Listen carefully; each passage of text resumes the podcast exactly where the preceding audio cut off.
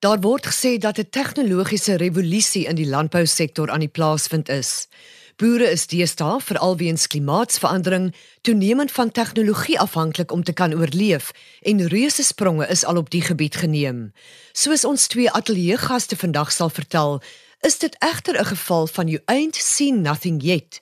Spesialis wetenskaplike en navorser aan die Wes-Kaapse Departement van Landbou by Elsenburg, Dr Mike Wallace en geografiese inligtingstelsel tegnoloog FC Bason, ook verbonde aan Elsenburg, is kundiges op die gebied. Ja, ons gesels vandag in die kookstuig met tegniese versorging deur Lindsay Johnson oor die reuse rol en omvang van tegnologie in die landbousektor. Mike, ons begin met jou. Julle dra albei vele hoede, maar is deskundiges op die gebied van ruimtelike inligtingontleding. Wat is dit en hoekom is dit so belangrik vir die landbou? Ja, die omgewingsfaktore wat landbou beïnvloed wissel van plek tot plek natuurlik. So die klimaat, grond, helling, plantegroei, die topografie, um, alles wissel van plek tot plek. En GIS en ruimtelike analise laat ons toe om al hierdie ruimtelike inligting plus ander datasoorte soos satellietbeelde en gewasmodellering alles in een geïntegreerde raamwerk te kan analiseer. Geografiese inligtingstelsels, dit sluit nou blykbaar in GPS wat nou 'n globale posisioneringsstelsel is. Google Earth, Google Maps, al hierdie goed is al lankal beskikbaar en dis blykbaar selfs vervat in 'n uh, regering se nasionale ontwikkelingsplan. Beteken dit alle boere het toegang hiertoe? Tot 'n mate lisme ja, enige boer met goeie internettoegang kan van seker van hierdie tegnologie gebruik maak. And I think a lot of farmers are becoming very familiar with the uh, Google Earth kind of applications where they can zoom in and look at their farms and look at their farm boundaries. Maar wat van die boere wat in ver afgeleë streke bly nie toegang het tot hierdie tegnologie nie? Ja, daar is ehm um, heelwat boere en uh, mense in die landboubedryf wat nie toegang het tot internet en konnektiwiteit uh, nie. En in daardie geval kan jy ehm uh, na jou landbouadviseur toe gaan of jou landboudeskundiges en hulle sal vir jou met die tegnologie kan uh, assisteer of uh, ondersteun. Mike, is hierdie tegnologie deesdae 'n noodsaaklikheid in die landbousektor? There's no one size that fits all uh, with this kind of technology, but they all contribute in their way to better and more informed decision making. En ek meen daar is baie diensverskaffers wat sulke tegnologie wil verkoop. So 'n boer moet eintlik weet wat aangaan met die tegnologie so hy die regte besluite kan maak in in terms of of which services he's going to access or or buy or procure through various um uh, service providers. Kan jy vir ons idee gee hoe tegnologie oor die afgelope sene maar dekade verander het? I think it's it's changed a lot in terms of access. people have access to so much information. Um, they talk about the information explosion. So farmers now have information on the web. They have cell phones and cell phone apps. Um, there's satellite information which they can procure through various means. Some of it's free on the internet. We have the options to um, use near real time crop monitoring, and again, service providers that are offering a lot of uh, solutions based on that. And then we hear these days about smart farms where everything on the farm is, is connected wirelessly to everything else. Um, it's becoming part of this Internet of Things where everything is connected and, and that is supposed to make the farmer better equipped to manage this huge explosion of data. Um, but we don't see many farmers adopting that intensive kind of uh, application. It's more piecemeal. So farmers will adopt a little bit at a time and gradually grow their technological applications. Is dit daar verby FC wat boere sonder tegnologie kan boer? Nee, en ek dink glad nie in vandag se tyd kan jy meer die tegnologie miskyk of daar sonder werk. Ek dink tegnologie is jou vriend in die landboubedryf.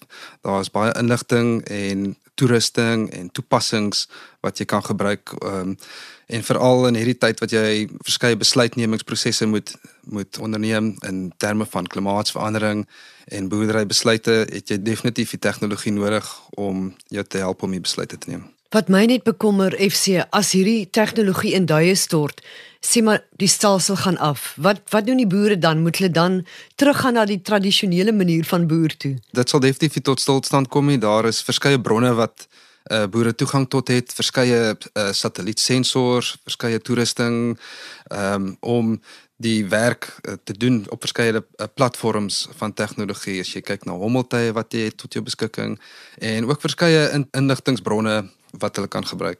Wanneer dit by kunsmatige intelligensie en aanwending kom, moet mens seker oor robotte praat, selfs al is jy nou nie 'n sci-fi fundie of 'n techie nie.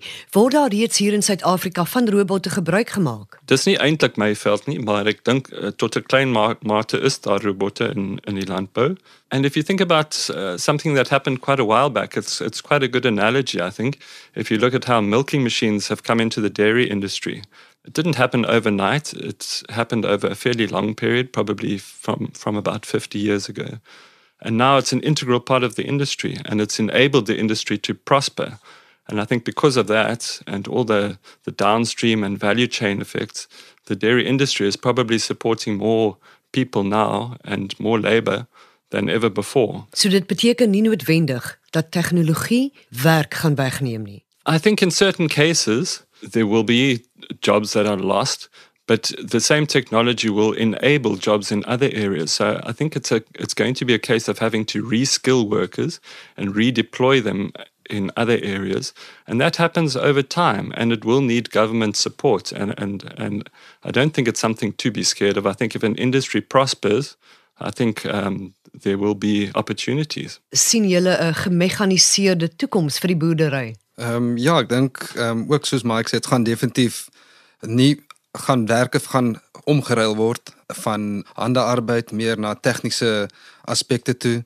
En daar is definitief 'n moontlikheid om hierdie sci-fi tipe boerdery te sien wat die boer dit basies van sy kantoor af kan bestuur van mekanisering van semi-robotte of apparate wat in die veld kan ingaan en hy sal dit kan monitor op 'n app of op sy rekenaar en kan beheer en bestuur van daar af die hele ketting.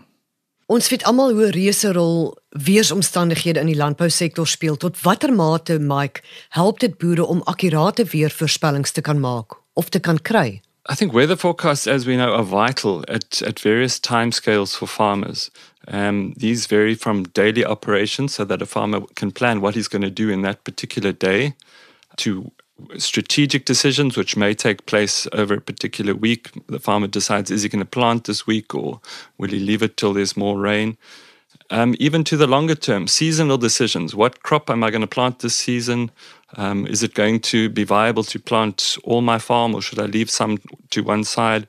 So I think there's a lot of strategic decisions that are completely dependent on good weather information and good weather predictions. Julle het vroeër gepraat oor toepassings. Jy het gepraat FC van toepassings op jou foon. Die Cape Farm Mapper is een van daardie handige toepassings. Ek wil sê dis amper 'n revolusionêre ontwikkeling. Kan jy vir ons 'n bietjie meer daarvan vertel? Ja, die Cape Farm Mapper is 'n uh, aanlyn toepassing wat ons uh, self ontwikkel het in die departement van landbou.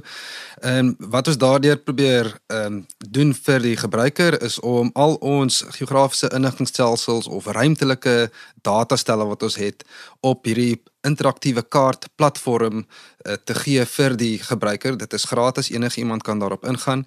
En daar is 'n uh, groot verskeidenheid van datastelle wat wissel van ehm um, grondtipes, plantegroeitipes. Ons het langtermyn klimaatdatastelle daarop wat jy kan gaan kyk na die langtermyn reënval en dis waar jy dan nou die die intydse weerstasie data kan vergelyk met hierdie datastelle om te sien wat wat 'n anomalie kom voor in die in die weerpatrone.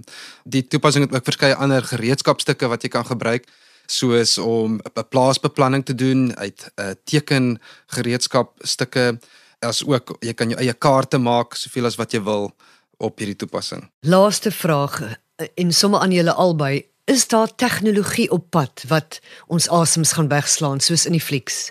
daar sal 'n toenemende beskikbaarheid van ehm um, sensordata wees, satellietsensors, hommeltuigsensors, uh, grondsensors, atmosferiese sensors en al hierdie inligting word baie meer toeganklik gemaak vir die algemene man op die straat en veral boere. Well, for me, it's. Uh, I was just thinking about this uh, 3D printing that we've been hearing about, and, and that just blows my mind. They say um, in the future we'll be able to print print food. You can print yourself a steak And uh, things like teeth implants will be able to be uh, made on a 3D printer and will become a lot more affordable. Um, even medicines they're talking about making on 3D printers. I think this is a, a, potentially amazing technology and we're watching it with great interest. Ons het vandag by Mike en FC gehoor hoe noodsaaklik tegnologie vir boere is en dat dit wat ons nou sien maar net die begin is. Mike en FC stem saam dat dit veral met klimaatsverandering wat sy stempel net meer gaan afdruk, 'n integrale deel van elke boer se bloudruk gaan wees. Tegnologie moet egter nie net vir oorlewing en sukses sorg nie, maar mense ook bymekaar bring. Die program word ondersteun deur die Wes-Kaapse Departement van Landbou. Ons groet. Onthou die aarde is kosbaar. Kom ons bewaar dit.